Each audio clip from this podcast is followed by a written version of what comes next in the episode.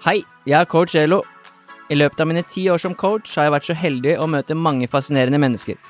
Dette er mennesker som er målretta, og som har en spesiell drive for å bli bedre.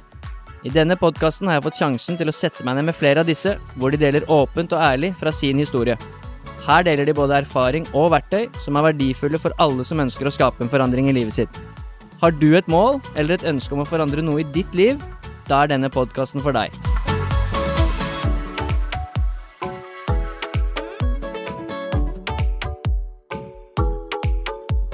I dag så har jeg fått meg en person som jeg har kjent en del år nå. Vi, vi har jobbet litt sammen liksom fra og til over de siste seks-syv årene eller noe sånt.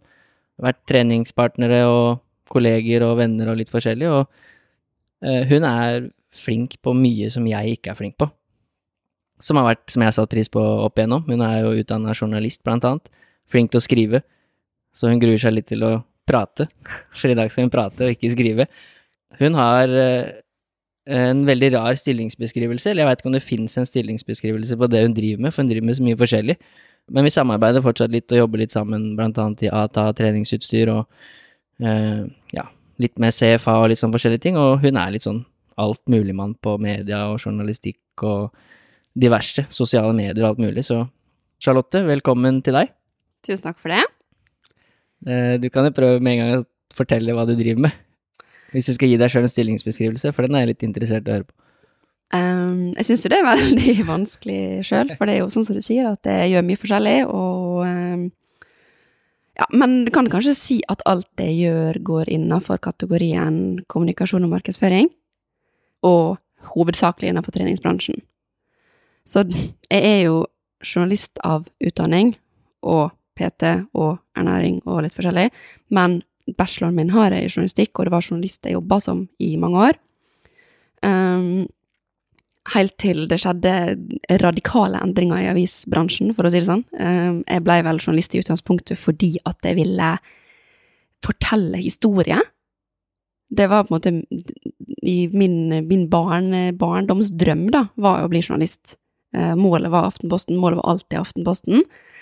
Og det var Eller helst A-magasin, da. Dit kom jeg aldri, dessverre. Men det var det som var på en måte motivasjonen, eller ja, målet, for å fortelle historie.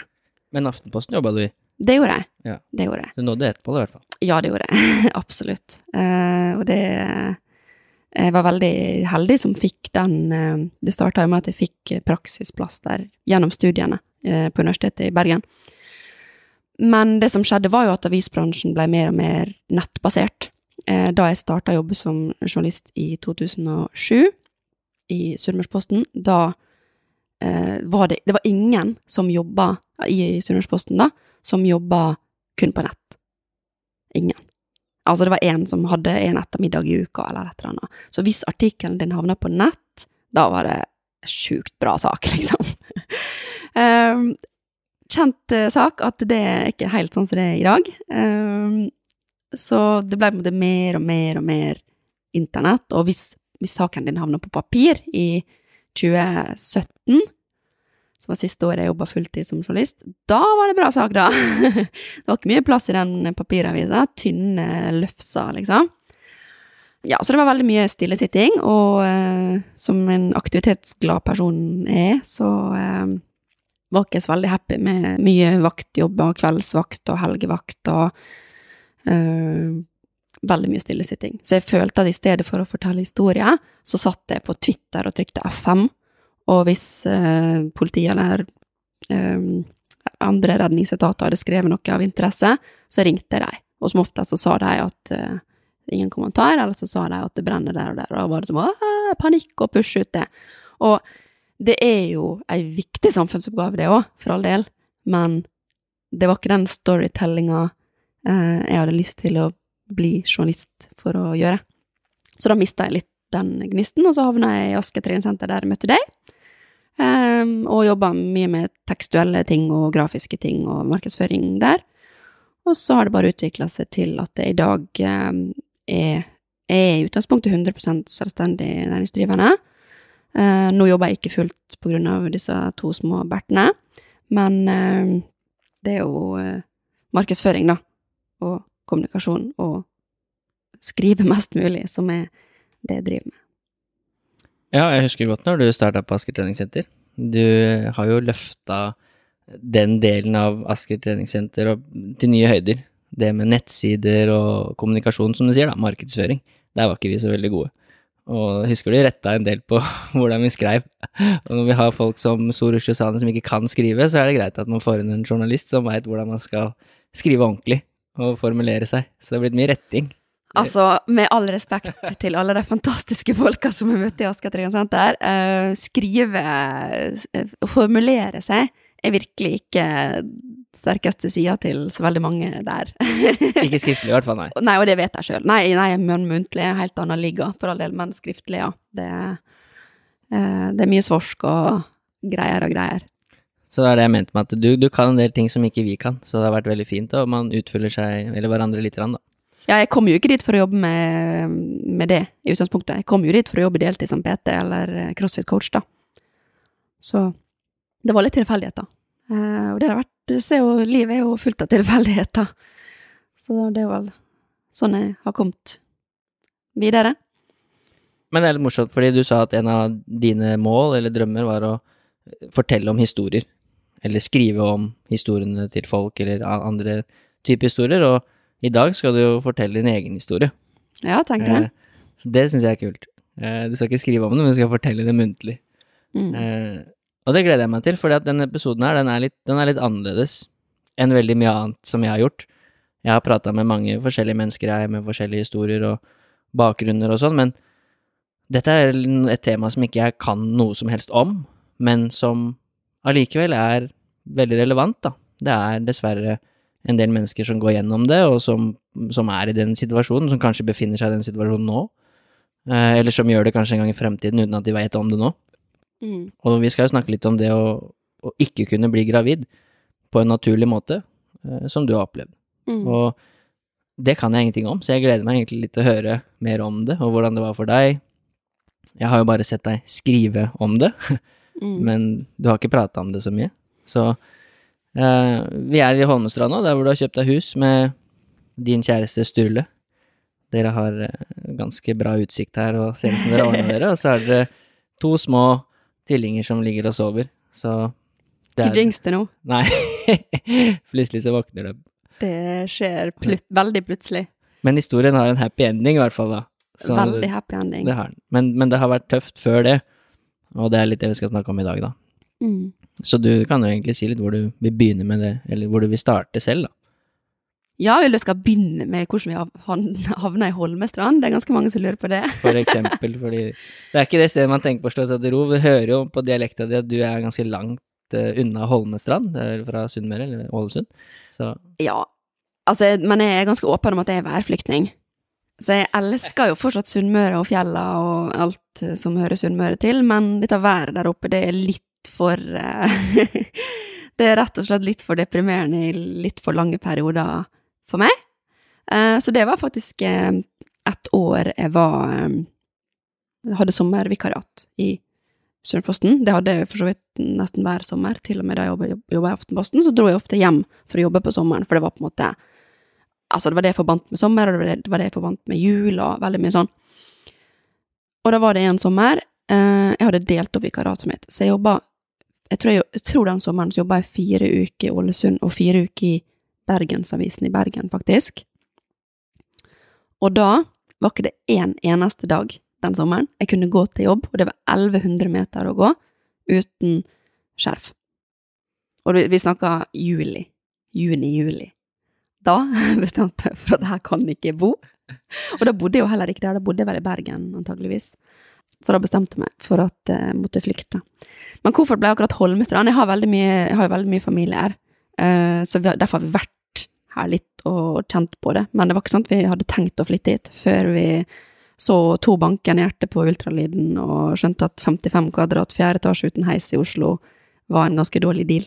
Og det var ganske mange som var flinke til å fortelle oss at det kom ikke til å funke. Så vi kjøpte huset her i november. I november 2019 og tok over i januar. Tok over uh, tre og en halv uke før tvillingene ble født. Så uh, den, uh, den, flytteprosessen var Overveldende, vil jeg si. Hektisk. Det var, det var tungt. Men dere har fått det fint. Vi har fått det veldig Eh, fint. Jeg sa utsikten er fin, og det er ikke sånn man kan si det at jeg har fin utsikt, men her er det veldig fin utsikt. Det er ekstremt bra, faktisk. Hvis du, hvis du knekker litt i knærne, så kan det se ut som vi er på, eh, på sånn Eller at, at hele huset er sånn infinity pool. eh. Ja, det er nesten som å være på sånn eh, cruiseskip. Du ser liksom bare sjøen. ja. Ja. Så det er fint. Til Holmestrand å være, så er det. toppkarakter. mm, takk. Men du sier det, du, du sa det der at dere har tvillinger, Mm. og vi skal snakke litt om hele den prosessen eh, før dere fikk det her, og før det ble mulig. Mm. Eh, Så du, du må jo bare starte et sted, fordi jeg vet ikke helt hvilket spørsmål jeg skal stille først, for dette kan jeg ikke så mye om, men noe av casen er at du, du fant ut at det var veldig vanskelig for deg å bli gravid, eller Mm. at det kanskje var umulig på en naturlig måte. Mm. Ja, eh, jeg kan Jeg vil gjerne begynne med å fortelle hvorfor jeg syns det er viktig å snakke om dette her nå. Um, for det har på en måte blitt en litt sånn ikke, Kampsak blir kanskje feil å kalle det, men jeg syns at det er altfor få som Det blir flere og flere, men det er altfor få som har vært åpen om eh, denne typen problematikk. Og det hva jeg skal si, mye av eh, grunnen til at jeg begynte å snakke om det sjøl, fordi at jeg fant ingen Altså, jeg googla og googla og googla for å prøve å finne podkaster og blogger og Instagram og YouTube og alt mulig om folk som var åpne om ufrivillig barnløshet, um, da vi sleit. Og det fant jeg så godt som ikke. Jeg klarte å finne en episode her og en episode der, og litt sånn. Og når jeg spurte om tips, så ble jeg henvist til bøker av folk som hadde hatt ett forsøk og så blitt gravid naturlig, og det er liksom, det er ikke det samme som å gå gjennom en prøverørsprosess, for eksempel, da. Så det er så mye Det er så mye som ligger i det, og særlig det psykiske, som kanskje er vanskelig å formulere. Eh, antageligvis er det derfor eh, så mange ikke gjør det, fordi det er vanskelig å få det ned i tekst, rett og slett. Det er på en måte min drivkraft for å være åpen om det, og for å stille meg sjøl til disposisjon for andre som er i tilsvarende situasjon, da, som trenger noen å snakke med som har vært i litt tilsvarende, og det finnes jo Facebook-grupper der man kan debattere, men der er vel også veldig mye sånn, enten veldig mye negativitet, eh, altså pessimisme, eller eh, veldig mye happy endings som du ikke tror på når du står oppi det sjøl. Så det å høre noen gjenforteller de vonde følelsene når man er midt oppi det, det savna jeg veldig da jeg var oppi det sjøl, og derfor håper jeg at det jeg kan fortelle, det kan gi noen noe. Det kommer det garantert til å gjøre, så det er bra at du velger å snakke om det. Men det er litt som du sa før vi begynte å ta opp, at det, det er ikke sikkert man Eller man skjønner ikke det helt før man eventuelt står i den situasjonen sjøl, da. Mm. Eh, For meg, for eksempel, som ikke på en måte har vært i den prosessen enda, og Mm. kanskje ikke har vært et stadie i livet hvor man har tenkt på det at man, nå skal man ha barn og slå seg til ro, eller Så tror jeg det er vanskelig å se det for seg. Men for veldig mange så er jo dette kanskje det viktigste i livet, da. Mm. Som kanskje er det som gir livet mest betydning, er jo å, å skape sin egen familie. Eller på en måte skape en ny generasjon. Man får liksom veldig, veldig panikk hvis man alltid har sett for seg å få barn, og så innser at det kanskje ikke kommer til å gå. Det kan jeg se for meg. Ja. Det er på en måte en ganske sånn uvirkelig situasjon for veldig mange som ikke har sett for seg det scenarioet, fordi at det er jo det vi er skapt for, liksom. Og ja. Få- barn og formere oss og alt sånn. Det var en liten baby. Ja, nå er den våkna bak her. Ja, ikke sant? Så det, men, Det det, er hyggelig, det. Mm. Men Nei, det- men jeg kan ikke forvente at de som ikke har vært gjennom det sjøl, egentlig forstår det helt, fordi det er så altoppslukende prosess, og man skulle tro at det var en prosess fullt av håp, og det er det jo på mange måter også, men det er veldig vanskelig når man er i de djupeste, mørkeste bølgedalene og tenker at nei, men dette her kommer til å ordne seg. Og det hjelper liksom ikke at folk rundt en, som ikke har vært gjennom det sjøl i hvert fall, da, sier at det kommer til å ordne seg, fordi man tror ikke på det der og da. Og sånn er det jo med, med mange nedturer her i livet, men det er på en måte en sånn Man føler seg så utrolig hjelpeløs når man er i den prosessen, fordi man kan ikke gjøre noen ting. Man må bare sette all sin lit til leger og sånn. Og så klarer man kanskje ikke å la være å google. Eh, og da finner man ut at det finnes jo veldig mange andre metoder enn det legene legger fram. Hvis du da tar det opp med legene, så får du kanskje beskjed om at eh, sånn gjør ikke vi det her, eller eh, nei, det vil ikke vi prøve. Vi har bestemt oss for en annen metode. Så det har på en måte ganske eh, lite innvirkningskraft på prosessen, og det kan være en ekstra kilde til frustrasjon som man ikke trenger når man står midt oppi det.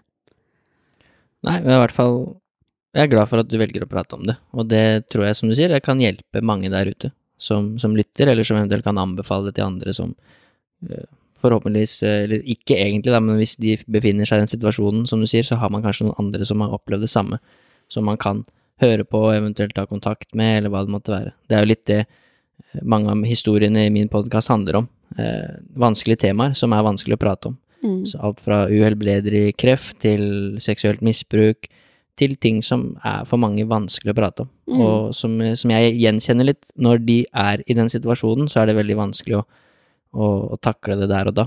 Mm. Og hvis man ikke har noen å venne seg til, da, eller noen som kan forstå, Mm. eller som har vært gjennom det. Så det er fint at du gjør. Og du ville jo fortelle litt om hvordan du fant ut av det, at du ikke kunne bli gravid. Ja, eh, jeg er jo faktisk Til den dag i dag så vet jeg ikke 100 hva det var som gjorde det, eh, men jeg har fått signal på at det kan være hyppig bytte av p-pillebruk i ungdommen. Og da eh, Det var ikke så lenge jeg brukte p-piller, men fra jeg var 16 til jeg var 19, kanskje. Eh, og da bytta jeg merke og leverandør oftere av forskjellige grunner. Det var f.eks. at det gikk ut av produksjon, eh, at, eh, det fikk masse kvise, eh, at eh, jeg fikk veldig uregelmessig eh, syklus, eksempel. Så det gjorde at jeg bytta hyppig. Og noen eh, leger har antyda at det kan være noe av grunnen til det. Eh, kombinert med det så var jeg veldig, veldig glad i å eh, løpe. Løp ekstremt mye, opp og ned fjellene i Bergen og langs asfalten og i det hele tatt. Bare løp og løp og løp og løp. Hadde liksom en ustanselig løpeglede.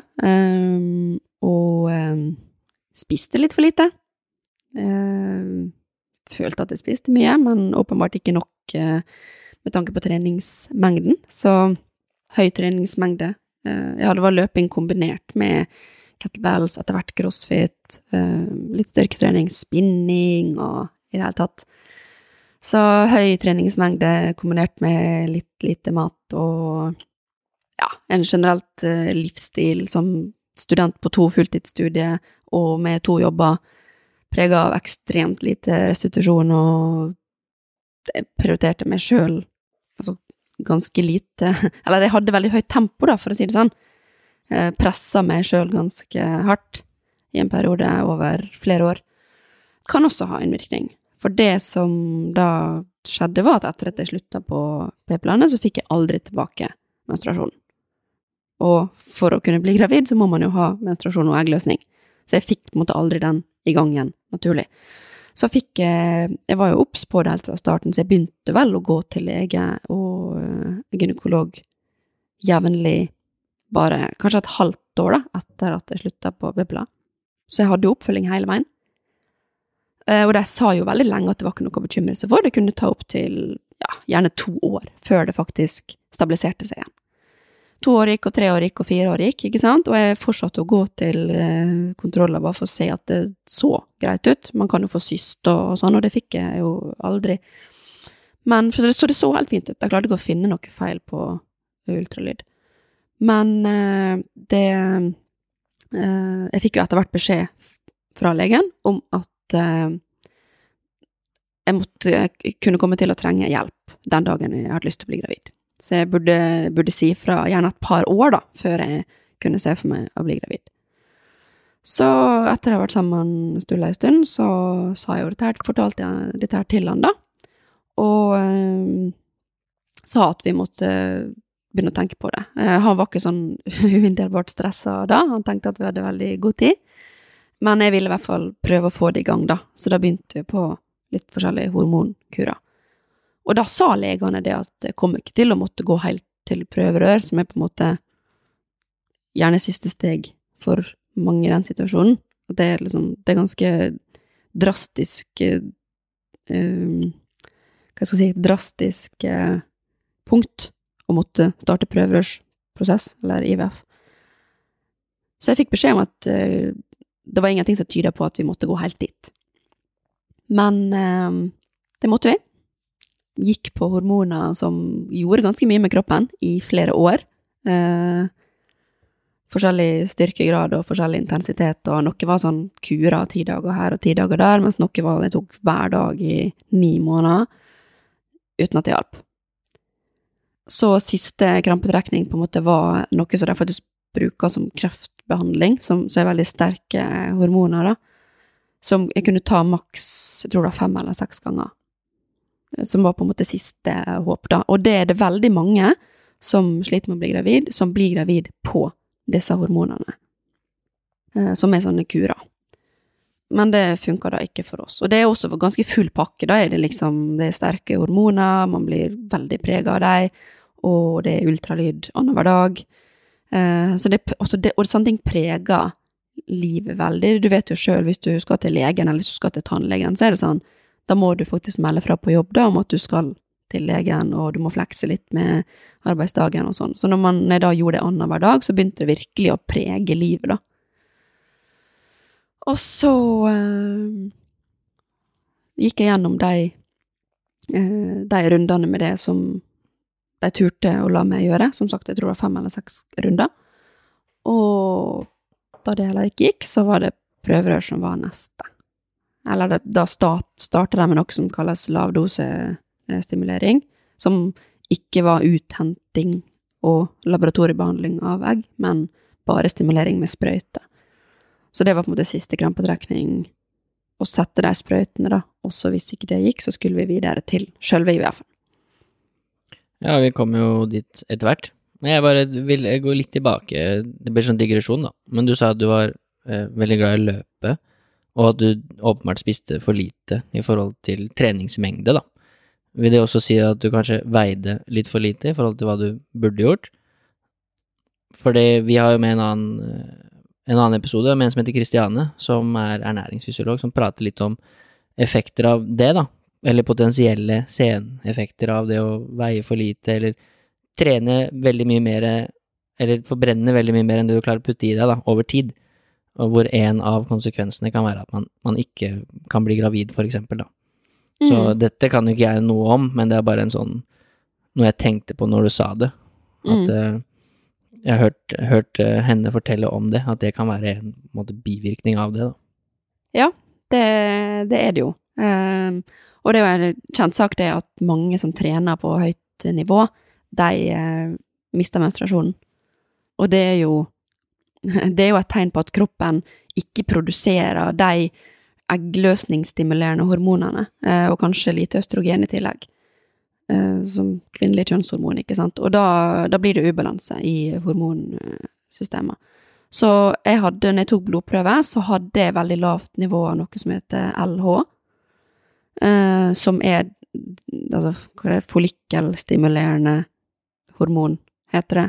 Altså det som gjør at eggeposer vokser og slipper egg, rett og slett, da. Eh, så det var vel tilnærma på null. Så sjøl om eggreservene mine og alt sånn var helt eh, vanlig, så var hormonene var helt i fullstendig ubalanse.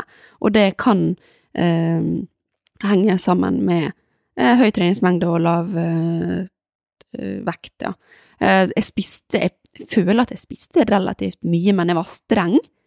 Det var jo i studietida, så jeg var jo, drakk jo vin og var på byen et par, par dager i uka, liksom. Så det var ikke sånn at jeg Uh, var helt supernazi på uh, å bare trene, trene, trene. Uh, som sagt så studerte jeg to studier og, og jobba. Jobba både på Bikbok og i, i Bergensavisen. I tillegg til å studere på, både på høyskolen og på universitetet. Så jeg hadde bare rett og slett for mye å gjøre til å egentlig spise, pluss at jeg var redd for fett. Jeg spiste minst mulig fett. Så jeg spiste jo ganske mye havregrøt og var flink til å dytte i med proteinbarer innimellom og spiste ja, jeg husker jeg spiste, husker jeg spiste veldig mye yoghurt med eh, proteinpulver oppi. Det var på en måte min Jeg skulle bare få i meg veldig mye, da var det det jeg spiste. Og jeg trente jo veldig lite styrke, så det var litt sånn paradoksalt, på en måte. Men eh, eh, jeg følte at jeg spiste mye. Jeg spiste masse fiskekake og du veit Hele, hele dietten. Ja, det blir jo blir litt sånn spekulasjoner. Da. Grunnen til at jeg nevnte det, er bare for at jeg vet at det, med f.eks. å ha veldig lav fettprosent, da, som kommer av f.eks. at du spiser veldig lav innhold av fett, da, kan jo påvirke mange ting. Som blant annet evnen til å kunne bli gravid. Da. Og det å, å få i seg riktige fettkilder har jo også veldig mye å si for hormon da, og hormonbalanse. Yep. Eh, sånn at eh, Det var bare noe jeg tenkte på når du sa det. Mm. At det, kan være et tips eh, for folk, da, og at man passer på å få i deg nok mat. Ja, og ikke være redd for fett. Det, det er jo sånn Altså, på et eller annet tidspunkt så fikk jeg betennelse i slimpose i hælen, eh, og det har jeg hørt at folk sier at det er, liksom, det er verre enn å ha runners eh, knee. Fordi det Altså, jeg kunne ikke gå med sko på jeg tror det var tre-fire måneder. Jeg måtte gå med sånne høystøvler eller slip, slippers. Fordi jeg hadde, fikk betennelse. Og det var jo sikkert fordi at jeg hadde jo jeg hadde så lite fett på kroppen at jeg hadde ikke hælpute, nærmest, ikke sant? Eh, jeg hadde ikke pupper, jeg hadde ikke rumpe. Eh, morsomt når du ser meg i dag, for det er jeg tenker at det, det, det er ganske mange kilo siden, kan du si. Eh, så jeg var nok, eh, veide nok litt for lite også, ja. Ja, så det er, vi skal gå videre, da, men det er bra tips å passe litt på for jenter, og det med fettprosent, at det er ikke nødvendigvis veldig gunstig hvis den blir for lav, fordi det kan påvirke en del ting, da. Eh, og det kan også påvirke en del ting seinere i livet, da.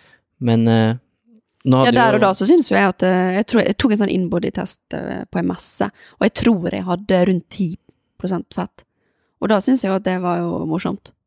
Ja, det er sikkert Eh, gøy å Men ja, det er jo ganske lavt for en jente, da. Og så lavt skal man jo nødvendigvis ikke altså, Noen kan gjøre det, men det er jo ikke optimalt for mange å være så lavt da, for en jente. Blant annet på grunn av det menstruasjon og, og sånne ting. Men eh, nå har du i hvert fall eh, prøvd veldig mange forskjellige behandlinger, eller hvis vi er tilbake til historien, da, Mm. eh, som ikke funka. Og egentlig alle de liksom nødløsningene som, som ja, kanskje var siste utvei. Og så måtte du da begynne med prøverør. Som, det, det kan jeg ingenting om, så du må nesten ta oss gjennom det. Og hva, hva den type behandling, hva det er for noe, og hva man egentlig gjør, da. Ja, nå blir det sikkert litt intimt. Nå, eh, nå tar alle mannfolka som hører på her, de tar og bare krysser ut og bare snakkes i neste episode. Nei da, jeg skal ikke Jeg skal prøve å legge det frem på en eh, tålelig måte. Så får du heller bare spørre hvis jeg forklarer innvikla. Men prøver går jo da eh, an på Gå an på. Eh, prøver går da ut på å eh, stimulere mange egg eh, inn i egglederne, da. Eh, og så hente de ut via et, eh, et kirurgisk inngrep. Hente de ut, pare de med sperm i laboratoriet, og så sette tilbake et som da er befrukta og ser ut som om det utvikla seg fint gjennom eh, noen dager i laboratoriet. Det er det som er IVF. Så finnes det også noe som heter ICSI. Vi måtte aldri gjøre det, men det er hvis det er svømmerne som er problemet. For da må de hente ut de sterke svømmerne. Det, men prosessen ellers er helt den samme. Ja, for det var litt spørsmål, jeg lurte på om det var et dumt spørsmål, men det var jo Sturle sine svømmere dere brukte, for det var jo ikke noe galt med han. Ikke noe galt med han. Nei. Ja, det er bra. Nei, han fikk jo med seg sånn eh, plansje hjem fra legen, så legen var freidig nok til å si 'denne kan du ramme inn og henge opp på veggen'. Det, var, det er morsomt nå, men eh, da jeg satt der, da følte jeg meg bare enda mer mislykka, vet du. Følte ja, ja. Du kan bare påpeke at kroppen min er skikkelig bevare, liksom. Det, det var litt sånn det føltes akkurat da. Men eh, han fikk i hvert fall eh, kred. Det er bra, Sturle. Jeg står og smiler i bakgrunnen. Ja, han var ganske fornøyd da han så at det var tvillinger også. Men det er i hvert fall eh, Ja, da forklarte du litt om det. Du får forklare videre, da, fordi du starta så vidt. Ja, eh, og så er det jo ganske mye som kan gå galt underveis i denne prosessen, eh, som vi fikk virkelig smake på. Fordi at i starten, så, eller før vi begynte med IVF-prosessen, så sa de det at eh, dette kommer til å gå så bra. Her er det masse egg, og vi bare henter det ut og setter det inn igjen, og så går det helt fint. For de, altså de ser jo på veldig mange forskjellige ting, for eksempel eh, tjukkelse på slimhinne og litt forskjellige greier. Eh, og det med syste og ja. Eh, og de fant på en måte ingen feil. Så det var jo Det er tøft å sette sprøyte på seg sjøl. eh, og man får beskjed om at den skal settes til det og det tidspunktet. Eh, så hele dagen blir styrt etter det. Da er det noen dager med kun ei sprøyte på kvelden først, og så supplerer man med ei på morgenen i tillegg, en antagonist. Eh, og så setter man til slutt ei eggløsningssprøyte, og så skal man inn på kirurgisk inngrep for å hente ut dem. Og det er sykt vondt. Eh, jeg har hørt mange historier fra folk som har vært gjennom det, som opplever det veldig forskjellig. Noen spyr i to uker, liksom, fordi det er så vondt. Eh, For min del så var ikke det så ille, det var veldig vondt der og da, men det gikk eh, fort over. Men eh, hormonene sitter jo i kroppen, og ja, som sagt, det er veldig mye som kan gå galt. Så første gangen så eh, fikk vi ut eh, ikke så veldig mange egg, eh, mye mindre enn det jeg forventa. Og da, da sitter de faktisk der og sier at om to uker fra nå så er du gravid. Det sier de. Altså selvfølgelig sier de det for at man skal få håpet opp, men når man da sitter der to uker etterpå og ikke gravid likevel, da er det sjukt tungt å svelge.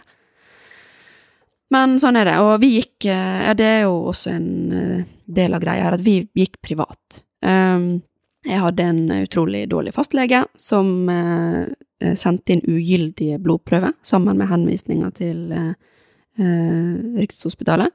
Så vi ble avvist. Vi fikk ikke offentlig behandling.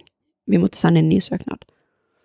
Så derfor gikk vi privat mens vi venta på eh, ny eh, altså behandling av søknad og innkalling i det offentlige. Da. Så gikk vi privat. Så tok behandling privat de første rundene. Og den første gangen nå, vi, Det ble jo en del forsøk til slutt, så det kan hende jeg går litt i surr på detaljene her. Eh, Men det viktigste er jo gangen i det.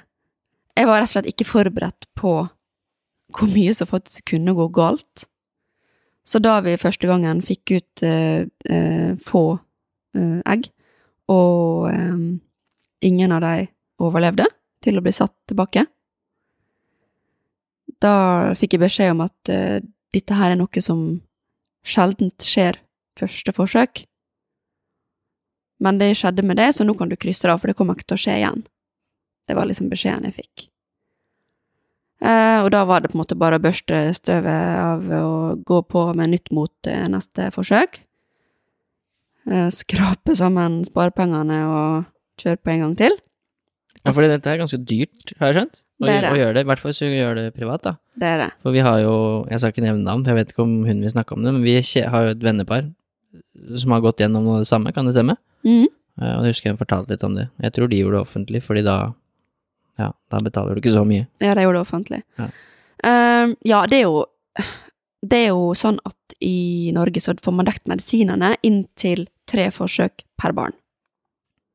Og, og det offentlige definerer et forsøk som uh, innsett av egg. Så hvis du ikke setter inn egg, da blir det avbrutt, og da teller ikke forsøket. Så medisinene får du dekt, og medisinene koster ca. 15 000 per forsøk. Og så koster hvert forsøk, litt avhengig av hvor du går når du går privat, da, så koster det mellom 30 000 og 50 000 per forsøk. Pluss medisiner. Så medisinene må du legge ut for, men du får det tilbake med en gang du bikker 17 000. Så egenandelen er 17 000 på medisiner også, sjøl i offentlig behandling. Så vi eh, Første forsøket ble jo ingenting.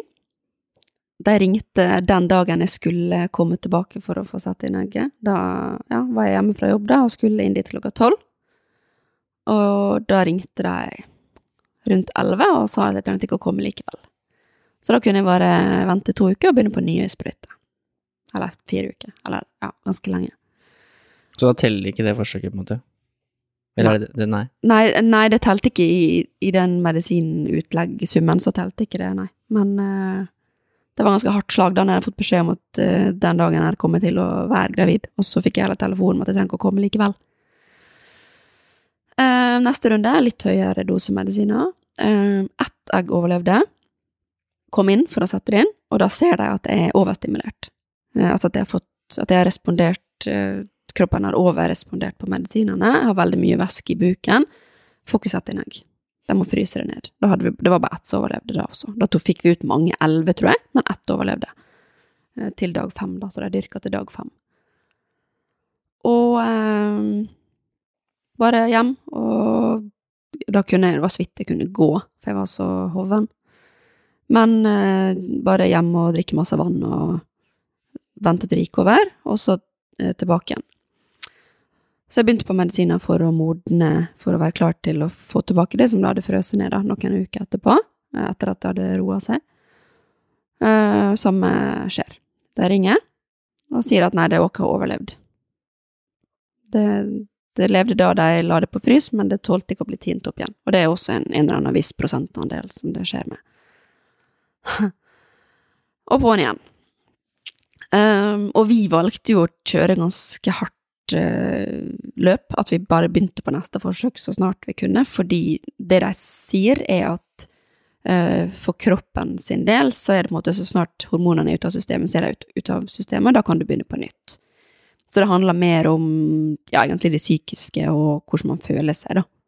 Så for min del så følte jo jeg meg med en gang jeg gikk, når jeg ikke gikk på medisiner, så følte jeg at kroppen var helt som den pleier.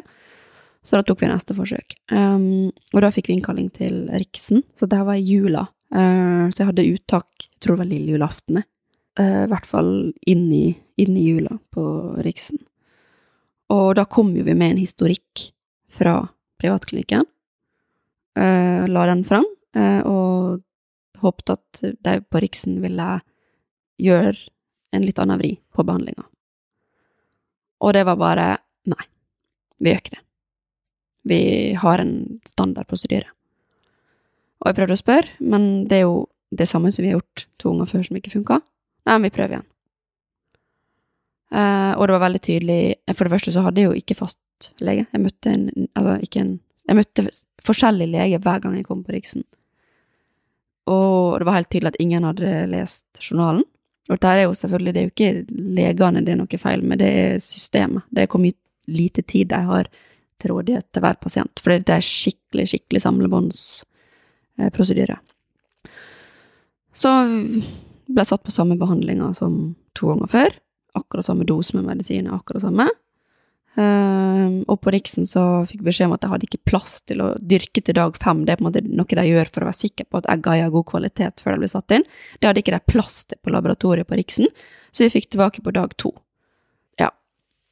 Gikk, gikk ikke, åpenbart. Eh, vi hadde egentlig tenkt å ta et forsøk til på Riksen, måtte vente jeg tror det var 13 uker før neste forsøk. Det, det tror jeg var den psykisk tyngste perioden av de alle. Da å bare gå og vente, og, og vite det at hvis vi hadde vært eh, Eller vi kunne vært i et nytt forsøk nå, vi kunne hatt håp nå, vi kunne hatt Altså sånn Det var helt altoppslukende, og da var jeg så langt nede. Og jeg anser meg sjøl som en veldig sterk person, psykisk. Uh, og jeg er også en veldig optimistisk person av meg. Jeg er optimistisk av natur, jeg er positiv, jeg ser positivt på alt, og jeg bruker mye energi på å løfte de rundt meg og bidra til at de føler seg bra og sånn. Eh, men i denne perioden her så var jeg bare knapt en skygge av meg sjøl. Og fungerte ikke. Fungerte ikke sosialt. Eh, prøvde å jobbe, men alt føltes meningsløst. Jeg gjorde på en måte Jeg jobba, men jeg gjorde det jeg måtte, da, først og fremst. Eh, klarte å engasjere meg i perioder, men sleit i lengden, Eh, fordi jeg følte at ingenting ga mening. Fordi at det eneste jeg klarte å tenke på, var tenk om jeg aldri får barn. Hva skal jeg gjøre da? Da er alt meningsløst, liksom. Og i den perioden her så um, prøvde jeg jo å bruke tid på det jeg liker å gjøre, sånn som for eksempel trening. Men jeg husker at jeg ble forbanna på kroppen min, og dette skrev jeg også om, at jeg ble så forbanna fordi at jeg følte at jeg presterte nesten bedre på trening enn, enn jeg hadde gjort uh, i disse periodene mellom medisinene, da. Så det klarte kroppen min å få til. Men jeg klarte ikke å få til det den er designa for, liksom. Nei, jeg kan jeg ser, kan jeg skjønne at det er vanskelig å gå gjennom noe sånt, eller det er jo den, den litt den typiske at du har ikke kontroll, da. Eller det, du føler deg sikkert litt hjelpeløs. Veldig hjelpeløs. For det er ikke noe du, du får ikke gjort noe med det, på en måte. Håpet må komme fra andre steder, og det kan jeg se for meg er eh, tøft, da, Mm. å gå gjennom. Eh, jeg kjenner deg litt fra før, så jeg vet jo at du alltid har vært en positiv person. Vi hadde jo ikke så mye kontakt i den tida her, så dette har jeg bare blitt fortalt i ettertid. Jeg fulgte jo litt med på sosiale medier, du skrev jo lite grann og sånn om det der, men det blir ikke det samme, da. Man klarer ikke å sette seg inn i det. Man tenker at det er kjipt, men man klarer ikke å dra det så mye lenger enn det. Men det, det, og det er ikke bare fordi du ikke har vært i Altså at du ikke har vært i en barneønskesituasjon uh, sjøl. jeg, jeg vil aldri forvente av noen som ikke har vært stått i det, og egentlig forstå hvordan det er. Fordi det er så altoppslukende at, at det er veldig vanskelig å sette seg inn i. Men jeg har fått veldig mange tilbakemeldinger, for jeg var jo åpen i en periode eh, fra vi Ja, jeg tror det var fra vi var i forsøk nummer to, eh, og fram til denne her nå perioden på nyåret der jeg måtte vente i over tre måneder. Da var jeg åpen om det på Instagram og skrev en del, og bare måtte, jeg måtte Journalisten er, som måtte bare få ned tankene. Og da fikk jeg veldig mye tilbakemeldinger fra eh, mange med barn som sa takk for at, eh, at jeg ga dem et perspektiv på noe de aldri har tenkt på før. At de på en måte setter mye større pris på sin egen prosess, som eh, på mange måter var veldig mye enklere enn enn vår, da. Og dette var jo før jeg, før jeg var blitt gravid også. Men det er helt umulig å sette seg inn i situasjonen uten å ha vært der sjøl. Sjøl om man har barn. Ja, det, det, det kan jeg forstå. Og det er jo litt eh, som du sier der, at eh, vi mennesker tar jo litt ting for gitt. Det er vi gode på. Eh, Og det er litt sånn vi er skrudd sammen for å fungere og kunne gå videre, tror jeg. Men ja, man tar litt sånne ting for gitt. Og kanskje dette med barn også. Men som du sier, når du sitter der, og det er kanskje det du har mest lyst til i livet, som kanskje er det aller viktigste du vil oppnå, eh, så sitter man der da, og ja, tenker at det kan kanskje hende at jeg aldri får gjort det. Men eh, hvordan var det, eller først da, fortell litt om hvordan det var for deg å gå gjennom det, litt sånn eh, psykisk da, det perspektivet av det, hvordan det faktisk var, og måtte takle det. Og det andre er, som jeg tenkte på, var du noen gang inne på tanken om, liksom, om andre alternativer? Snakka dere noe om å adoptere, og liksom begynte dere å se på andre løsninger, eller var det liksom fast bestemt på at eh, det er dette eller ikke noe, eller Vi fikk jo hele tida beskjed om at det kom til å gå til slutt. Det var ingen grunn til at det ikke skulle gå til slutt. Vi måtte måtte bare stå i det. Eh, fordi at eh, egga var egentlig av god kvalitet, og vi er veldig god match, så befruktningsgraden var veldig høy, og det var på en måte ikke noen grunn til at det ikke skulle gå engang. Så vi var aldri inne på de andre, alternativene. Um, jeg tok kontakt med en klinikk i utlandet og spurte om de ville anbefalt eggdonasjon. Og de eh, hjelper veldig mange norske eh, par, gjerne ganske mye eldre enn oss, da, eh, med å bli gravide ved eggdonasjon. Og de var helt 100% nei. De ville aldri anbefalt eggdonasjon med den historien vi hadde. Og det hjalp veldig. Jeg snakka veldig mye med dem og var også i tankeboksen på å dra dit og få behandling der. Men det rakk vi heldigvis aldri. Men det kunne være kanskje, om ikke trygghet, men kanskje i hvert fall litt ålreit å høre, da. At Veldig. Eh, og, men det blei Det var veldig mange som liksom prøvde å trøste med å si at ja, de vet at det finnes andre alternativer og kan adoptere, og det gjorde meg bare mer og mer og mer forbanna. Men det er jo det samme igjen, at man skjønner det ikke. Nei. Og hvis Nei, folk skal prøve å forstå noe de ikke forstår, så er det jo nesten bare mer irriterende enn en positivt, da. Selv om man mener det godt, så, Mm. så, så ja. Altså, det ble litt av greia til at jeg til slutt bare måtte si at nå snakker ikke om dette her mer. Og jeg merka jo også det at eh, in real life at folk ble litt mer var rundt meg. Eh, Mange syntes sikkert at eh, det var vanskelig å snakke om, så de prøvde å ikke snakke med meg, rett og slett. Um, og det er jo greit nok, det, men jeg ville på en måte ikke være den personen som eh, folk ble redd for å snakke med.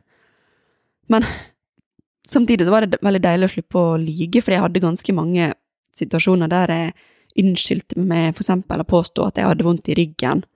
Kunne ikke være med på ting på grunn av det. For eksempel eh, altså under behandlinga, da, der jeg ikke kunne Altså, jeg ble fraråda for eksempel å løpe Oslo Maraton på grunn av eh, at jeg hadde var under, under stimuli. Og da løy jeg til mange og sa at det var på grunn ryggen. Og da fikk jeg jo masse sånn ah, du kan, her er verdens beste kiropraktor', og sant. Og da blir det bare sånn Altså måtte jeg lyge for å unnskylde meg, måtte jeg late som jeg skulle oppsøke den kiropraktoren, og Ja, så det ble bare sånn skikkelig ond spiral, da, så jeg fikk masse sånne ting å tenke på i tillegg. Eh, men det var både positive og negative ting med å være åpen om det, men til slutt så måtte jeg da altså bare si at nå snakker jeg ikke om det mer, og så bare ta følgen av det. Men på det tidspunktet så var jeg allerede så lite sosial som overhodet mulig at det Altså, jeg følte det regna graviditeter rundt meg. Jeg begynte å gråte bare jeg så ei barnevogn. Jeg kunne ikke jogge utendørs fordi måtte løpe slalåm mellom barnevognene langs Akerselva, og det gjorde meg forbanna, liksom. Jeg ble lei meg og forbanna, og det var, det var, så ofte at jeg, hvis jeg var ute og gikk tur, da, typ gikk til butikken, så gikk jeg bak noen som gikk med barnevogn, som for eksempel klaga over at uh, de hadde noen kilo ekstra etter svangerskap, eller klaga over at jeg sov litt dårlig, eller sånn. Og det er sånn, jeg sover dårlig i dag, og jeg hadde et sykt tungt svangerskap, men eh, jeg lovte meg sjøl at hvis jeg en gang fikk lov til å bli gravid, så skal jeg passe meg. Og det også var noe av det jeg fikk veldig mye tilbakemeldinger fra folk på, at de ble mye mer bevisst på sånne ting, da, fordi de innser hvor mye det kan såre uten at de vet om det. Men ja, det bygdes opp veldig mye sinne i meg. Um, så i tillegg til frustrasjon og redsel og sånn, så bygde det opp uh, veldig mye sinne uh, mot alle som ikke forsto. Og det var nok en sånn det, var, det er jo en ganske irrasjonell tankegang, men da var jeg så nedsausa i hormoner på en måte at jeg hadde ikke Jeg klarte ikke å grave fram rasjonelle tanker helt, da. Eh, så det endte jo med at jeg måtte bare si til gode venner at eh, jeg, kan ikke, jeg, kan ikke, ha kontakt med deg akkurat nå, fordi du er gravid, for eksempel. Eh, så vi Det blei en del sånne sosiale settinger som egentlig manna meg opp til å være med på, men som han Støle måtte avlyse for meg i siste liten, for det greide ikke. Og når jeg var med på ting. Eh, og det var jo Jeg følte det ble lansert graviditeter hvor enn jeg snudde meg. Eh, og det var litt sånn òg. Det var virkelig Jeg hadde på et tidspunkt ni venner var gravid, mens jeg drev og eh, prøvde. Og det var liksom Ja. Ikke, ikke sånn veldig fjerne venner, ikke bekjente, men faktisk venner, da. Så var gravid samtidig. Og det var flere ganger etter å ha møtt, møtt deg eh, og fått, be, fått, beskjeden, altså face to face, fått beskjeden om at eh, vi er gravide igjen, gjerne, gjerne med barn nummer to, at jeg bare Jeg klarte ikke å si et ord resten av middagen, for eksempel, da, og bare kollapsa i gråt på sofaen når jeg kom hjem, og klarte ikke å se meninga med noen ting. Men visste, visste disse vennene at du gikk gjennom det, og ikke Nei, dette var da før, ja. før jeg visste om det. Men det er jo litt sånn typisk, det, det, er litt sånn hjernen vår funker, at det vi fokuserer på, det ser vi mye av. Og nå, mm. nå var det mye litt tilfeldigheter òg, at det var mange som var gravide, men, mm. men, ja, jo mer fokus man har på en ting, jo mer ser man jo mm. av det. Mm. Det er jo litt sånn det funker. Mm. Og jeg kan tenke meg var vanskelig. Frustrerende, da. Ja, veldig. Ja, det ble jo sånn, jeg klarte nesten ikke å se på TV engang, for det var, alltid, det var alltid noen som var gravide, eller noen som hadde små babyer, eller det var alltid noe sånt. Så ja. Eh, det er en del Nå er jeg fryktelig dårlig til å se på serier generelt, da, men det er en del serier jeg på en måte har Jeg holdt på å se dem, hvis du skjønner? Jeg er midt i sesong to, eller et eller annet, som jeg husker at jeg også så på i den perioden her. Eh, som jeg slutta å se på da en av karakterene blei gravid. Så jeg, det var Nei, det var, det var, Uansett hvor jeg snudde meg, da, så var det bare super issues. Um, Men klarte du Du sa det var mye sinne, mm. og jeg mm. tror det er vanlig når man går gjennom ting som er vanskelig, at det blir sinne etter hvert. Mm. Eh, men ble det noen gang liksom overført til motivasjon? Til at dette skal jeg faen meg klare? Eller funka det litt annerledes for deg? Dette er jo litt annerledes fordi du kunne ikke nødvendigvis kontrollere det, men ga det deg etter hvert noe motivasjon eller noe drive til at eh, vi skal i hvert fall prøve? Ja, på en måte. Altså, jeg, jeg følte at jeg hadde mye sinne mot Altså for eksempel de som trilla langs Akerselva og klaga på at uh, de hadde sovet litt dårlig, liksom. Det var de jeg var skikkelig sint på. Drittfolk, husker jeg tenkte. Stakkars, uff. Er det ikke bra? Og det er veldig, det, jeg føler det er veldig utypisk meg å være sånn, for jeg prøver liksom å være veldig tolerant og lite dømmende og sånn, men da jeg hadde bare ingen Ja. Så jeg vet ikke om jeg helt greide å omsette det sinnet til motivasjon, men jeg, jeg ble i hvert fall Jeg var veldig bevisst på at jeg skulle ikke gi meg før noen sa at nå må du gi deg. Så, men det var jo sånn jeg måtte gå til foreldrene mine og tigge om penger, blant annet. Um, og vi prøvde jo, vi dro til Danmark og prøvde der, og vi kontakta den, den andre klinikken i utlandet og fikk hjelp der, og hadde masse Skype-samtaler og sånn. Uh, så vi hadde jo nesten egentlig bestemt oss for å dra dit, og det var jo, det var jo type fornye lånet på leiligheter, liksom, for å få råd til det. Så det var jo mye drastiske ting, men da var jeg sånn, skal faen ikke gi meg. Men det er det jeg mener, at det er litt den motivasjonen der, at selve situasjonen som er frustrerende, blir også litt drivkraft. At det skal jeg, dette skal jeg klare. Eller jeg skal i hvert fall ikke gi meg. Mm. Det er veldig mye um, Sturle sin fortjeneste, fordi han var veldig tydelig på det at nå er vi så djupt i denne prosessen her at nå Det skjer ikke at vi gir oss nå. For jeg sa nok det noen ganger, at um, jeg orker ikke mer. Jeg klarer ikke mer. Jeg vet ikke hvordan jeg skal komme meg videre, men jeg klarer ikke mer. Og uh, da sa, var han veldig tydelig på at uh, du får ikke lov å gi det nå. Så det var nok veldig mye det. Så jeg kom til det punktet der jeg ja, etter at jeg hadde skrevet at jeg skulle ta en pause fra å være åpen om det, da, som var vel, jeg tror det var mars-april, så eh, meldte jeg meg også ut av sånne forum. Jeg var med i forskjellige sånne forum, ønskebarn og ja, prøverørsforum, som jeg var, helt, jeg var helt besatt av å lese ting der inne.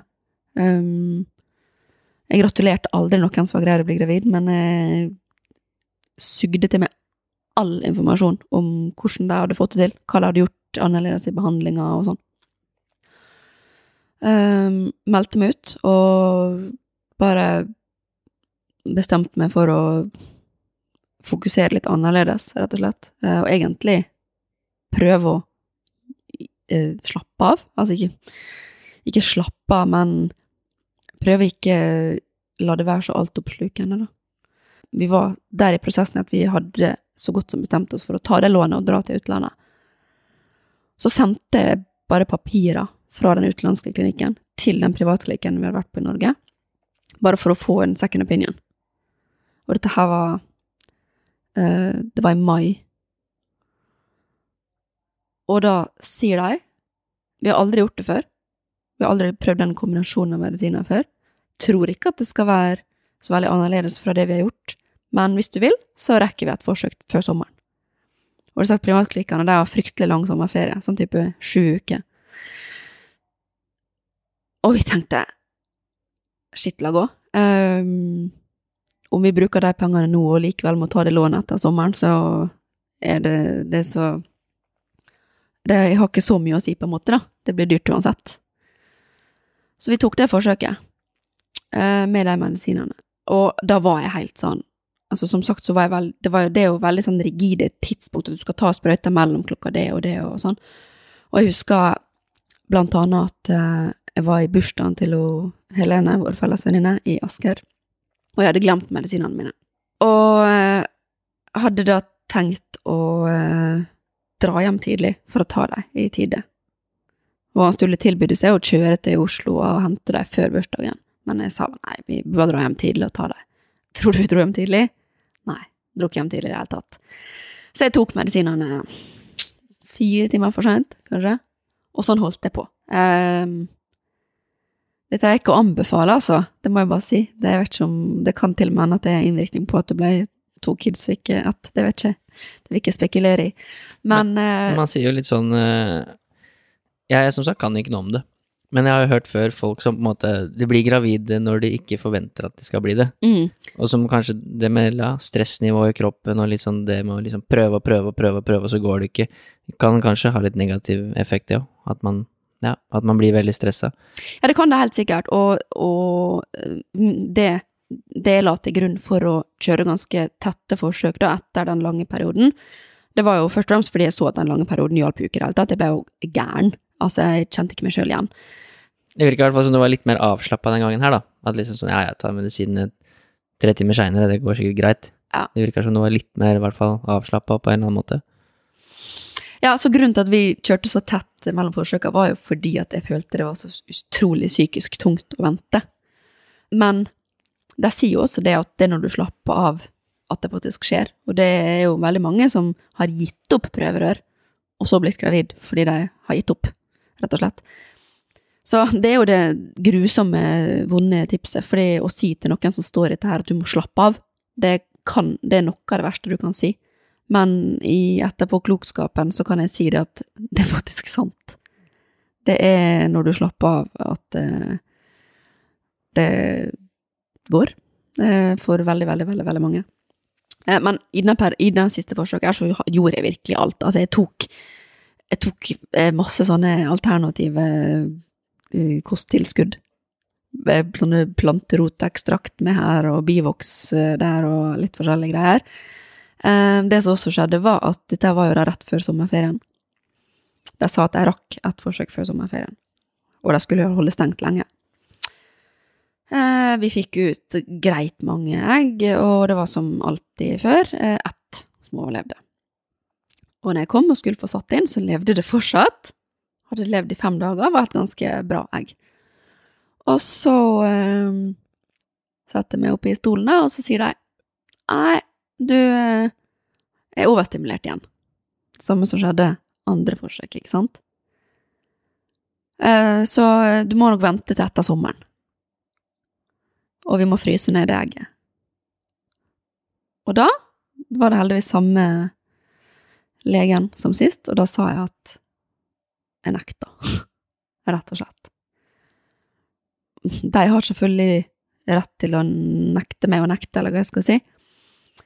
Men de sa i hvert fall det at uh, vi kjenner historien din, vi vet hva som skjedde sist hvis jeg var i akkurat den samme situasjonen, men du må vite at hvis du blir gravid nå, så uh, er det veldig sånn stor sannsynlighet for at du kommer til å bli innlagt eh, og må ha medisinsk hjelp. Og så sa jeg, men blir det da farlig for barnet? Eh, nei, det blir farlig for deg. Og da sa jeg at da jeg skal ha dette egget. Og så fikk jeg det, og så stengte de i sju uker. Uh, Ei uke etterpå så eh, tok jeg en hjemmetest eh, som var positiv. Og dagen etter det så kunne jeg ikke gå, fordi jeg hadde så mye væske i buken. Så jeg ble lagt inn på Ullevål og tappa for væske. Det anbefaler jeg ingen å gjøre. Jeg, hadde jeg visst hvor vondt det var, så hadde jeg nok ikke krevd å få det egget satt inn. Da hadde jeg heller venta til etter sommeren, tror jeg. For det var ekstremt vondt. Eh, og da har jeg også vært gjennom en tvillingfødsel, men dette her var noe vondere. Det sier litt. ja, Men så ble det jo Det ble i hvert fall barn, da. Det ble barn. Det ble jo ikke bare én, det ble to. Jeg, sa, jeg husker jeg spurte deg om det da, vi var på, da jeg ble lagt inn på Ullevål. da. For da tok de sånn blodprøve og målte HCG. Uh, graviditetshormonet, og det var veldig høyt. Kjempehøyt. Uh, de sier jo det at gren... Altså um, Ca. to uker etter befruktning så skal det være Jeg husker ikke helt tallene, da, men jeg tror det er over 20 for at du skal på en måte kunne være sikker på at du er gravid. Og mitt var på 660. Så jeg bare å herregud, er det to? Og da tenkte jeg jo det kunne være enegga. For det kan det jo være med å sette inn et egg. Uh, men legene bare nei da, det er så varierende, dette nivået der, at det er det sikkert ikke. Og så uh, ja, lå jeg jo på sykehuset der uh, uke. Og dro på tidlig ultralyd noen uker etter dette her igjen.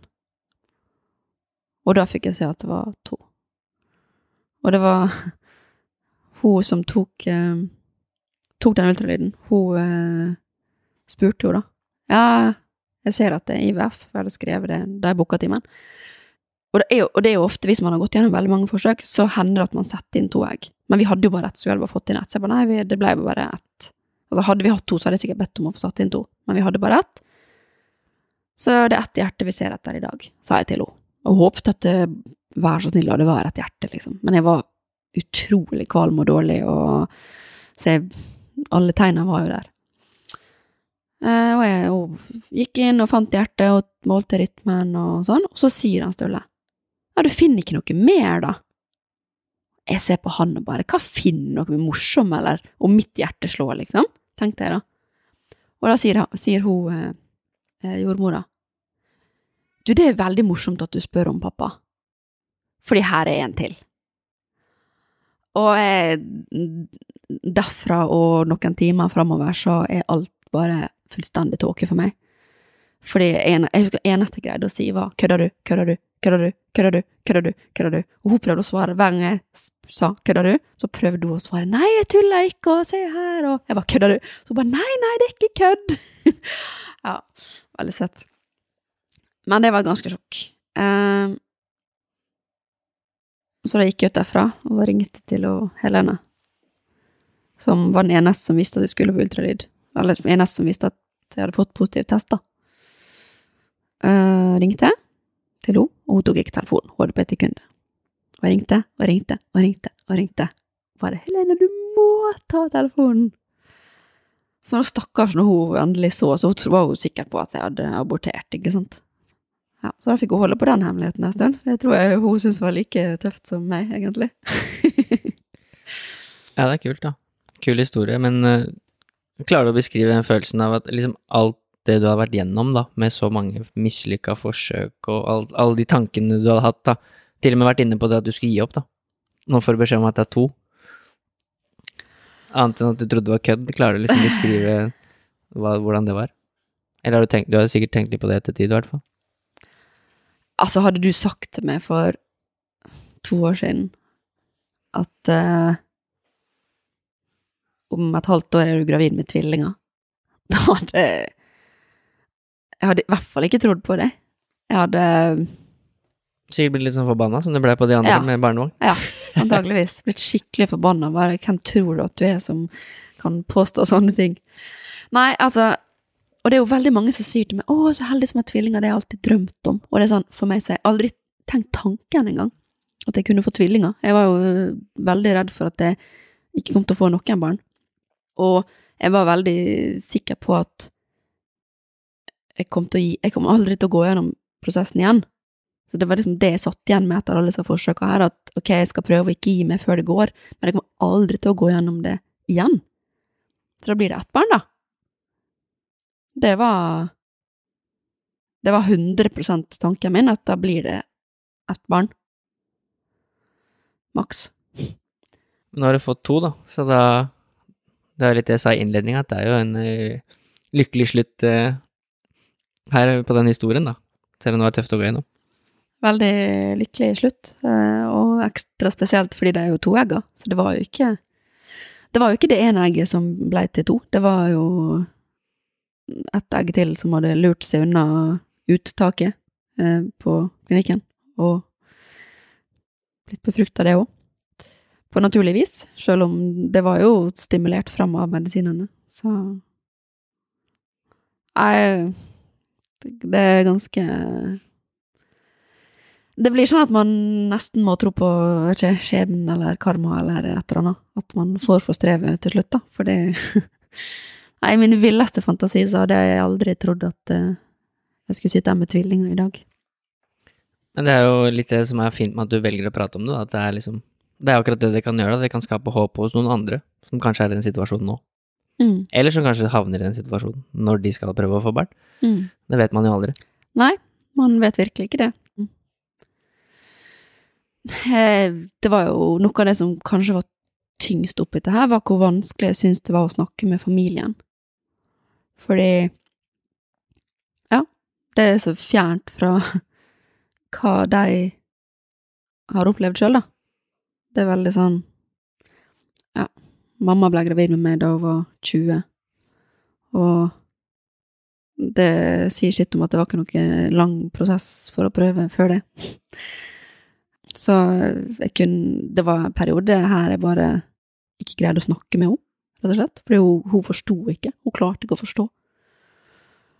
Og ja, det er ganske uvirkelig å tenke på nå. Hun er jo verdens aller mest engasjerte mormor, og verdens mest fantastiske mormor. Så jeg føler nå begynner å gråte. Det er lov. Det er kanskje feil tidspunkt å spørre om det på, men følte du noen gang på liksom sånn skam, eller liksom sånn at, at du ikke kunne få barn? At liksom det var noe gærent med deg, på en måte? Eller at ikke du funka til det du liksom er skapt til å funke som, holdt jeg på å si? Ja, det var akkurat det jeg følte, men det var på en måte en del av den sinnegreia. At jeg ble sint på kroppen min, fordi Ja, så, fordi jeg var B-vare, da, som jeg bruker å si. Hvorfor skulle ikke kroppen min funke til det alle kvinnekropper skal, skal bare funke til, liksom? Og hvorfor, hvorfor funker den så bra på trening, for eksempel, når den ikke funker til det jeg vil at den skal funke til? Eh, så jeg ble veldig sint på kroppen min på grunn av det. Ja, det skjønner jeg godt. Eller ja, det kan jeg se for meg i hvert fall. Mm. At det er frustrerende. Mm. Man blir jo, og så blir man jo veldig sånn Tenker på alle de som eh, blir gravid med tilfeldighet og eh, Ja. Det er ganske mange som er åpne om at eh, det var ikke planlagt.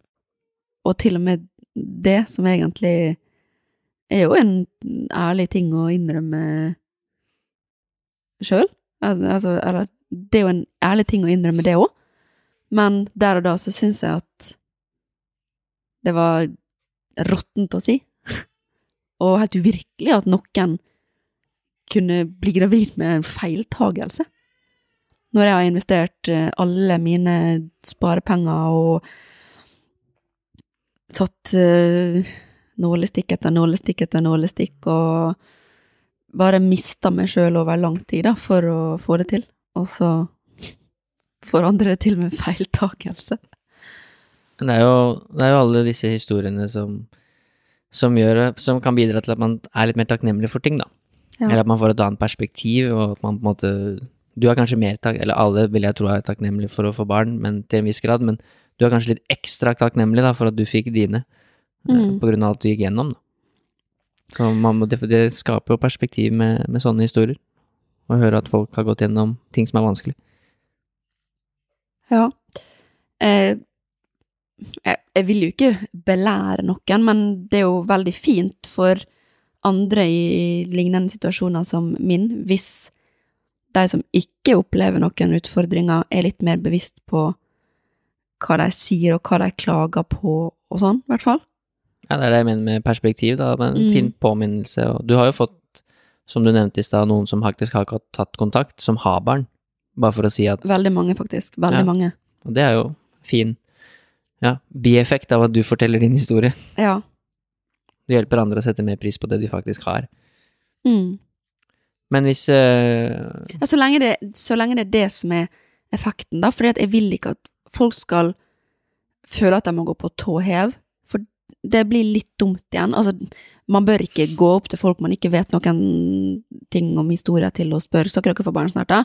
Fordi det er ja, Det var blant annet ei som, som sa til meg, som er en bekjent, da, eller en venn av en venn, typ, som eh, som fikk barn, hun en del yngre enn meg. Skal ikke dere få barn snart, da? Det er skikkelig kjekt, altså, det anbefales virkelig. Og da var vi ganske djupt inn i denne prosessen her nå, og jeg bare Ja, jeg, jeg tror jeg smilte og nikka og sa ingenting. Og det var, det var ganske stort av meg å gjøre det, for det var ganske mye jeg hadde lyst til å si da, for å si sånn.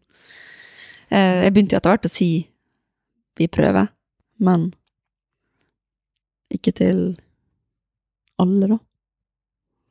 Jeg tror i hvert fall Det er en fin start å prate om ting. Det gjelder jo alle temaer som er vanskelig. At det er hvert fall, altså, du vil aldri få forståelse hos alle, og det vil alltid være litt vanskelig, sånn som en kompis av meg som heter Håkon, som har vært med på en av episodene, han forteller jo om eh, det at han har uhelbredelig kreft. Mm. Eh, Og det vil jo selvfølgelig være vanskelig for mange å skulle prate med Håkon, Mm. fordi de vet om hans situasjon. mm. At man tenker man vet ikke hva man skal si, da. Eh, Men jeg syns likevel det er bedre at han velger å være åpen om det og prate om det, selv om du ikke klarer å skape forståelse hos alle. For sånn tror jeg det er med alle temaer som er vanskelig. Det er viktig å, å prate om det likevel. Det er en start.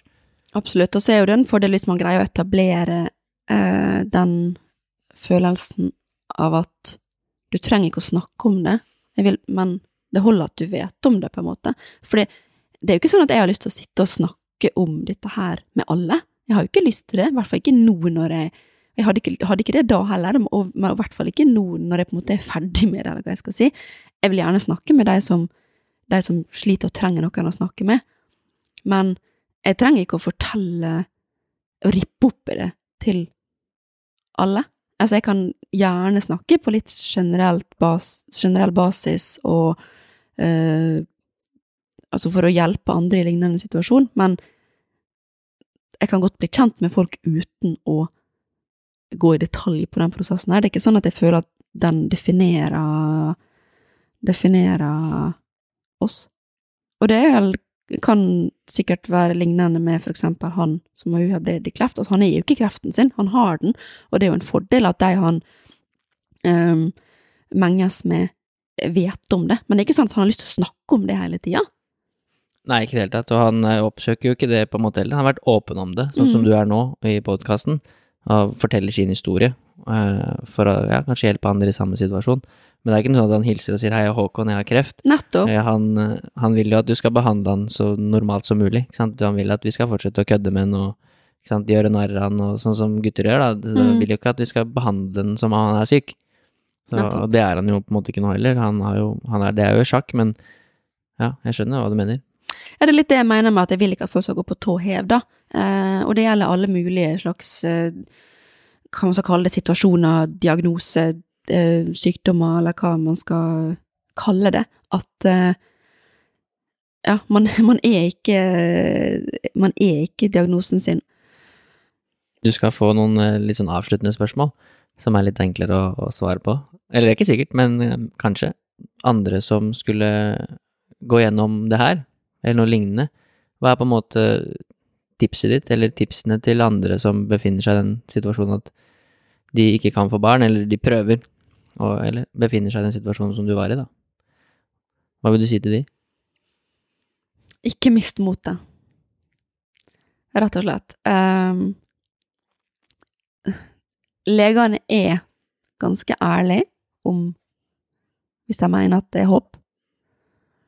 Og så lenge det er håp, så selv om det er søren så tungt, så Altså, mister du håpet, så mister du alt. Det, det er sånn det er. Og du Det jeg skulle si i stad, var at uh, uansett hva diagnose eller sykdom eller situasjon det er, så er du deg sjøl nærmest. Det vil føles som at det du står oppi, er det verste. Det var jo folk som sa til meg, som prøvde å trøste meg med å si ja, du har i hvert fall ikke kreft, det hadde vært verre. Og da, da måtte jeg bare si at vet du hva, for meg så er, det, ikke det sikkert det hadde vært verre. Fordi jeg syns at det er veldig viktig å få barn. Det, det er ikke sikkert jeg syns at uh, livet er så topp uh, uten barn.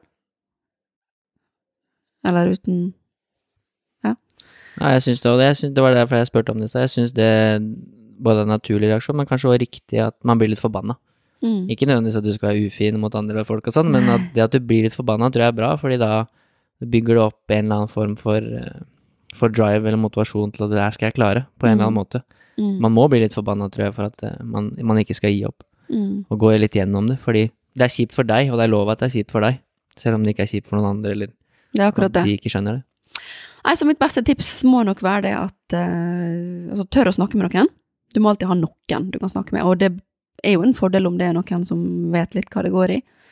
Eh, ikke mist håpet, fordi da mister du virkelig alt. Eh, og gjør ting som eh, gjør at du føler mestring. Det kan være vanskelig å finne sånne ting i en periode, men det kan være pusle-puslespill. Det kan være strikking, matlaging, fotografi. Gå en tur og bare ta bilde av vann og trær, liksom. Det kan være Ja.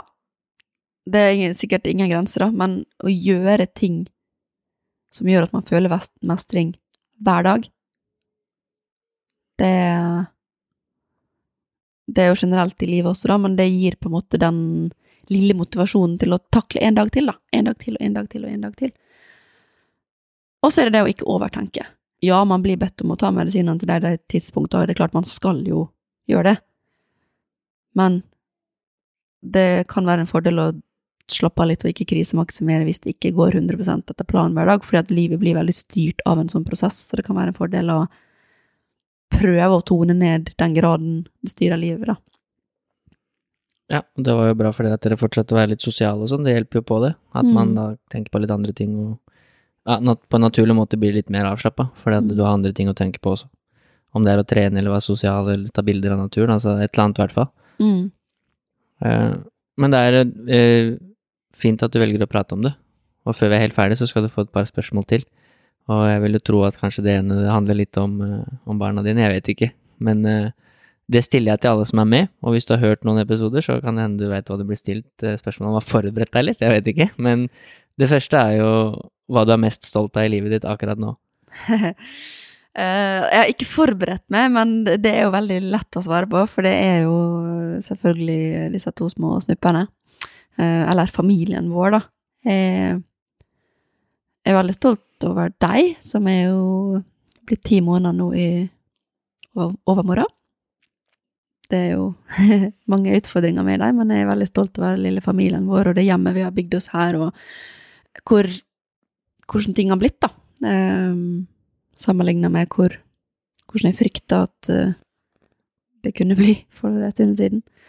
Og jeg er også veldig stolt over uh, Sturle, og den pappaen han er.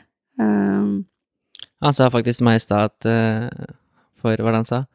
I desember i fjor, Ole, så hadde jeg aldri bytta en bleie i hele mitt liv. nei. Men han har, nå har han fått uh, gjort en del. Ja, nå, Med to stykker. Åh, herregud, det går så mye bleie. Nei, han er en utrolig fantastisk eh, pappa.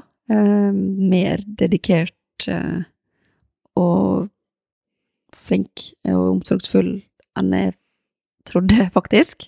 Enn jeg forventa at han kom til å være. Um, Kan utvikle oss vi menn nå. Ja, ikke sant? Er ikke det bra? Vi vokser med oppgaven. Mm. Ja, det, det virker som den mest naturlige ting i verden for han, da. Og det er til og med med to stykker å sjonglere. Og det er ganske Det er alt å si, da, fordi sjøl hvor um, flink vi er til å prioritere oss sjøl og uh, og sånn oppi, oppi det hele, så er ikke det til å stikke under stol at det, det er krevende å ha tvillinger. Jeg syns det er kult når dere kommer på CrossFit Asker og skal på team og har med dere en tvilling under hver arm og Det er kult, det. Kan vi kjøre hver vår time? Jeg kan kjøre en med sånne ungene, og så kan vi bytte. Og Sorush er en liten en, og, Ja, ja, og de vi snakka om i stad skal snart få en Så Det, er, eh, det blir, begynner å bli litt unger. Begynner å bli voksne nå. Mm. Men eh, det neste spørsmålet er uh, Eller da lager du en oppfordring, da. Et spørsmål eller en, en form for oppfordring, og det er hva du syns at vi medmennesker burde si til hverandre oftere. Og da i hvert fall ikke si at du er gravid eller har barn, for da ikke si det. Ikke, Ikke ikke, gå bort til folk. Du si ikke. Her er det du ikke skal si til andre, og det er Når dere skal få barn, da? Nei. Uh, jeg tror og håper at vi er kommet dit hen at uh, man er litt mer var for uh, å stille sånne spørsmål. Litt mer bevisst på hva det kan utløse. Når man ikke vet noe om forhistorien. Så det Jeg vil heller oppfordre folk til å være snill med hverandre. Eh, hvis du smiler til noen, så er det ganske liten sjanse for at de ikke smiler tilbake. I så fall så får du bare riste hodet og synes synd på dem, fordi at eh, smil smitter. Og noe av det beste du kan gi noen, det er litt godt humør og et smil, rett og slett. Fordi, ja, test på matbutikken neste gang. Smil til den personen i kassa. Nesten garantert at vedkommende smiler tilbake. Og det er en litt sånn Det er en Jeg føler at det er en, en greie for meg, da. I hvert fall etter å ha vært nedi den dumpa og skjønt at uh, det må være nedoverbakka for at det skal bli oppoverbakka. Ja. Det må være motbakke for at du skal få oppturer, eller hvordan jeg skal formulere det. jeg skjønner hva du mener. ja. Eh, og da hjelper det veldig å være litt raus med smila. Dele ut eh, litt smil og glede, og spre litt positivitet. Det er et godt tips, det. Å smile til eh, de du møter. Mm. Det skal ikke så mye til heller. Nei, det skal- Og det er gratis. hvis du i utgangspunktet ikke har vært så positiv den dagen heller, så som du sier, mest sannsynlig får du et smil tilbake, så du gjør deg selv litt mer positiv òg, Ja. hvis du ikke har vært det, da. Mm. Så det er et godt tips. Og ikke minst eh, med tanke på barn. Barn smiler jo veldig mye. Eh, og det tror jeg er veldig mye fordi at voksne smiler når de ser deg. Så de er vant med å se at nesten alltid når voksne ser på deg, så smiler de. Men på et eller annet tidspunkt så skjer det ei slags omveltning der, der folk begynner å smile mindre til barn. Så ved å være litt bevisst på å alltid smile når man møter folk, så eh, kanskje barn kan smile masse enda lenger ut i livet. Det er et godt tips. En fin oppfordring. Og det, ja, egentlig takk for at du var med. Det er, jeg sa til deg, så det blir over en time. Du hadde ikke trua på det, men eh, vi er godt over timen. Eh, men på en naturlig måte.